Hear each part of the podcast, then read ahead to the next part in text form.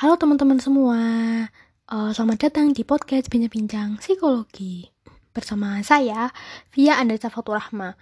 Um, perkenalan dulu kali ya. Uh, di jadi saya merupakan mahasiswa psikologi dari Universitas Negeri Yogyakarta angkatan 2018. Uh, saya membuat apa membuat podcast ini tuh sebagai salah satu proker untuk KKN saya. Nah, mungkin itu sih sedikit, uh, informasi awal dan perkenalan dari saya. Uh, tentunya kita akan bahas tentang materi kita hari ini. Jadi kita sekarang akan ngomongin masalah self love. Uh, mungkin sih banyak dari kalian kalian yang udah tahu ya uh, dan udah banyak dengar tentang self love. Sebelum kita masuk ke apa sih pengertian self love itu, uh, aku mau tanya nih, pernah nggak sih uh, kalian tuh mengkritik diri kalian sendiri ketika sedang melakukan kesalahan? Misalnya kayak gini uh, gini aja nggak bisa. Apa sih yang kamu bisa lakuin? Nggak guna banget ih hidup. Nah pasti pernah dong muncul di benak-benak pikiran kalian kayak kalimat-kalimat negatif itu. Nah atau kata-kata hati yang mungkin menghakimi diri kita sendiri secara terus-menerus tuh keluar dari dalam diri kita akibat kita tuh nggak memiliki kemampuan cukup dalam mencintai diri sendiri atau self love jadi kalimat-kalimat negatif itu sebenarnya keluar karena kita tuh kurang bisa mencintai diri sendiri gitu loh. Nah maka dari itu uh, pembahasan kali ini kita akan bahas mengenai self love nah uh, it's tapi uh, sebelum itu jadi jangan salah dulu ya uh, self love itu berbeda loh dengan orang yang narsisme. Di mana kalau narsisme itu merupakan perilaku orang yang mencintai dirinya sendiri secara berlebihan. Karena mereka tuh cenderung egois dan menganggap dirinya yang paling benar. Sementara orang yang memiliki self love itu dia adalah orang yang mampu menghargai dirinya sendiri, terus mampu berteman dengan dirinya sendiri sehingga ia tuh menjadi pribadi yang lebih baik untuk dirinya maupun untuk orang lain. Nah, uh, selanjutnya kita masuk ke pembahasan tentang self love-nya. Oke, pengertian self love. Self love itu apa sih? Jadi, self love menurut Khosaba pada tahun 2012 itu merupakan uh, kondisi ketika kita dapat menghargai diri sendiri dengan cara mengapresiasi diri saat kita mampu mengambil keputusan dalam perkembangan spiritual, fisik, dan juga psikologis. Contohnya, uh, saat ka kalian udah berhasil menerima kekurangan dan kelebihan kalian. Terus kalian bisa fokus nih terhadap tujuan hidup yang kalian miliki. Lalu kalian hidup secara puas dan usaha yang telah kamu lakukan sebelumnya. Nah tapi orang yang nggak memiliki self love tuh mungkin akan cenderung menghukum dirinya sendiri terus menerus gitu loh. Dengan komentar negatif dan yang itu komentar itu bisa menggerus harga dirinya sehingga membuat dia tuh sulit untuk berkembang setiap harinya Nah, hmm, kemampuan kalian atau kemampuan kita dalam melakukan self love itu akan berbanding lurus dengan kemampuan kita dalam menerima cinta dari orang lain. Karena orang yang nggak memiliki self love itu akan sulit menjalin hubungan dengan pasangannya.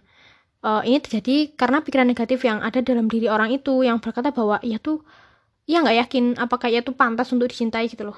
Nah, mereka yang nggak memiliki self love ini tuh akan terus menerus merasa gak aman dan juga insecure sama orang lain gitu. Terus akibat yang ditimbulkan dari perasaan gak aman ini tuh mereka itu akan apa ya cenderung lari dari masalah. Terus mereka akan tenggelam dalam lautan kesedihan yang gak berujung gitu. Dan mereka akan cenderung gak memiliki keseimbangan emosi yang mengakibatkan mereka tuh sering memiliki konflik atau masalah dengan orang lain. Hmm tapi sebenarnya memberikan kritik pada diri sendiri tuh memang gak sepenuhnya salah sih. Justru terkadang dengan kritikan itu tuh mungkin kita bisa menjadi pribadi yang lebih baik dan berkembang ke, ke depannya kan. Tapi, kita kritikan negatif yang terus-menerus timbul dan muncul di kepala kita, itu biasanya terlalu mendominasi, bahkan terkesan kayak destruktif gitu loh. Nah, kritik yang destruktif ini tuh yang yang berkepanjangan ini tuh bisa membuat kita menjadi semakin putus asa, terus depresi, bahkan gak sedikit yang bisa sampai bunuh diri karena benci pada dirinya sendiri loh. Nah, maka dari itu jangan sampai ya kalian ngakuin itu. Hmm, untuk menghindari itu semua tadi hal buruk karena kita nggak bisa self love, ada empat langkah awal untuk menuju self love. Ini tuh jadi pentingnya kemampuan kita dalam apa ya kemampuan kita dalam self love ini tuh dipengaruhi oleh empat subjek, eh empat aspek empat aspek yaitu self awareness, self worth, self esteem dan self care. Self care.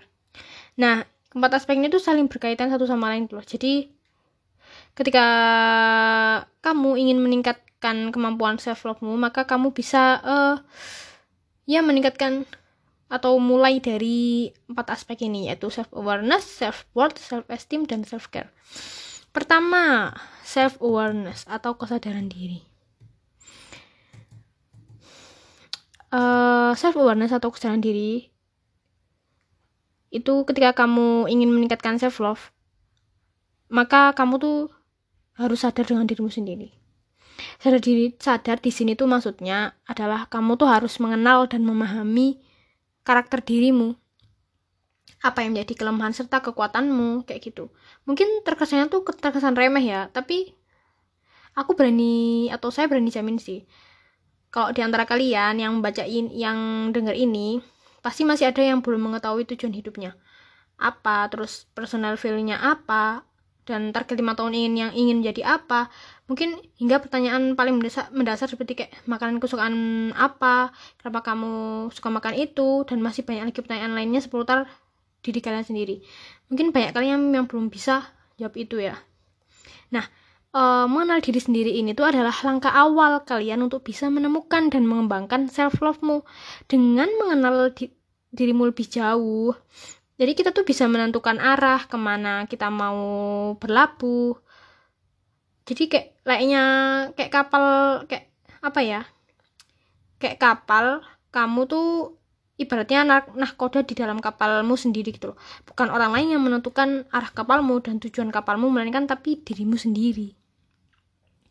Nah, mengenali diri sendiri itu bukan berarti kita egois ya atau nggak mau dengar pendapat orang lain tapi dengan mengenal diri sendiri itu kita jadi bisa lebih matang dalam mengambil suatu keputusan gitu loh. Dengan gitu kita bisa lebih mudah dalam menyesuaikan kondisi emosi dan cara bersikap kepada orang lain. Uh, aspek kedua yaitu self worth atau harga diri. Nah self worth ini apa sih? Self worth itu adalah suatu prinsip yang dimiliki oleh seseorang ketika ia sudah mengenal dirinya sendiri. Nah, uh, self worth itu akan hadir ketika seorang sudah menyadari bahwa dia tuh nggak perlu mengikuti standar penilaian orang lain karena dia udah mengetahui apa yang menjadi standar untuk dirinya sendiri, gitu loh. Orang yang punya kemampuan ini bisa dipastikan akan memiliki self love yang tinggi dalam dirinya. Karena dengan memiliki self worth ini itu sama aja kayak apa ya, dia tuh udah menghargai dirinya sendiri apa pun keputusan yang ia ambil. Jadi dia nggak perlu tuh memenuhi kriteria apa pun untuk merasa berharga, apalagi memenuhi kriteria orang lain. Gitu. Nah, yang ketiga itu self esteem atau kepercayaan diri. Nah, uh, eh, self esteem ini tuh berbeda ya dengan self worth, tapi masih memiliki hubungan sih. Nah, kalau self esteem itu menurut Santrok itu merupakan hasil evaluasi kita terhadap diri sendiri. Hal ini tuh termasuk dalam penilaian kita terhadap sesuatu yang kita kuasai dan sesuatu yang kurang kita kuasai. Jadi, self esteem kamu tuh dapat meningkat jika kamu tuh memiliki self worth di, di awal yang baik gitu loh. Banyak cara yang bisa kita lakukan untuk meningkatkan self esteem, di antaranya tuh dengan berhenti membanding-bandingkan diri dan orang lain, berbuat baik pada sesama, dan dengan cara mewat diri atau self care yang masuk ke dalam bahasan kita selanjutnya. Nah, um, selanjutnya kita masuk ke aspek yang keempat atau yang terakhir yaitu self care atau perawatan diri. Nah, jadi self care ini tuh melakukan suatu tindakan yang dilakukan seorang untuk menjaga kesehatan dirinya sendiri baik secara fisik maupun mental. Nah, e, kalian tuh bisa melakukan berbagai kegiatan yang kalian sukai untuk menjaga kesehatan um, self care sendiri menurut Orem itu melakukan suatu kegiatan untuk menyeimbangkan hidup dengan memenuhi kebutuhan dalam mempertahankan kehidupan, kesehatan, dan kesejahteraan hidup yang dilakukan individu itu sendiri. Jadi kegiatan yang bisa kamu lakukan itu di antaranya dengan mendengarkan musik, kayak menonton film di akhir pekan, berolahraga, menghabiskan waktu dengan orang terkasih, dan masih banyak lagi. Nah,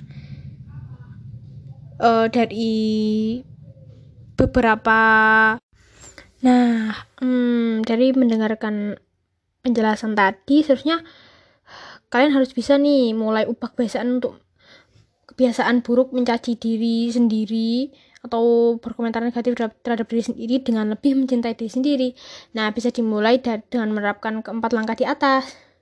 Jadi, kalian harus bisa jadi sahabat bagi diri kalian sendiri. Karena seorang sahabat tuh mampu bersifat ulas, asli serta pengertian ketika kita dilanda kegagalan dalam menjalani proses di kehidupan. Hmm, seorang sahabat bisa dengan mudah melihat kelemahanmu, tapi sembari mengingatkan sedikit kelebihanmu dan yang terpenting adalah seorang sahabat yang baik ia nggak akan hanya bisa mengkritik tapi memberi dukungan agar, dukungan agar kamu jadi jauh lebih baik maka dari itu mulai saat ini detik ini ketika kalian selesai mendengarkan ini mulailah untuk melatih dirimu atau diri kalian menjadi seorang sahabat atau teman terbaik bagi diri kalian sendiri uh, itu sih sedikit pembahasan kita tentang self love.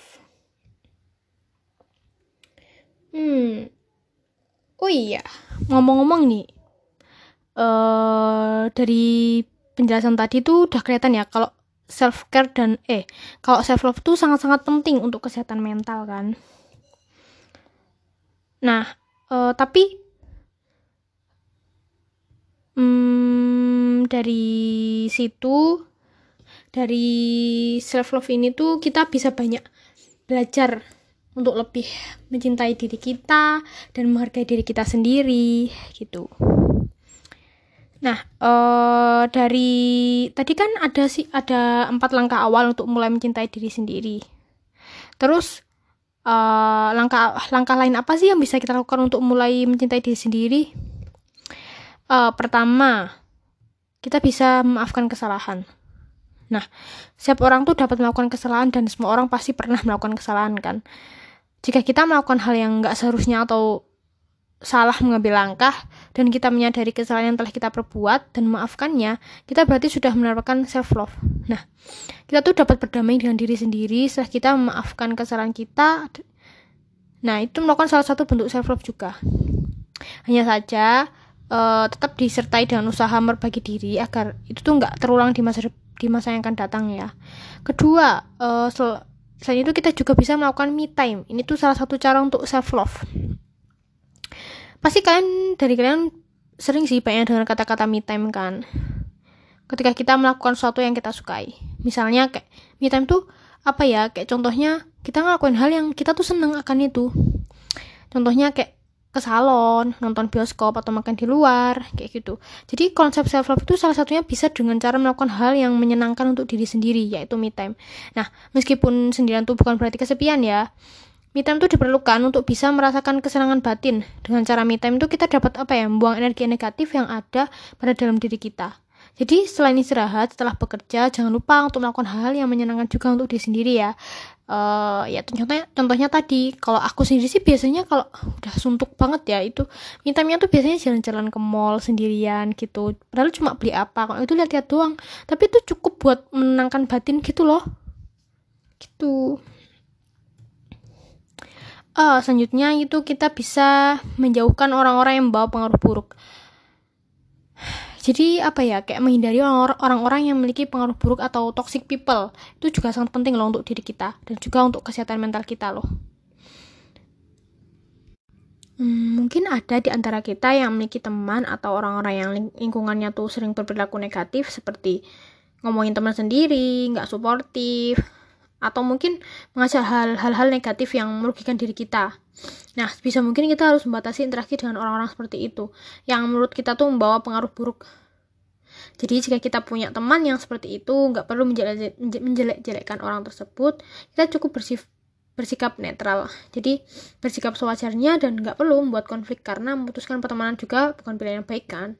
Lebih baik uh, dikelilingi di lebih baik kita tuh mengelilingi diri kita dengan teman-teman yang positif dan dapat membuat berkembang.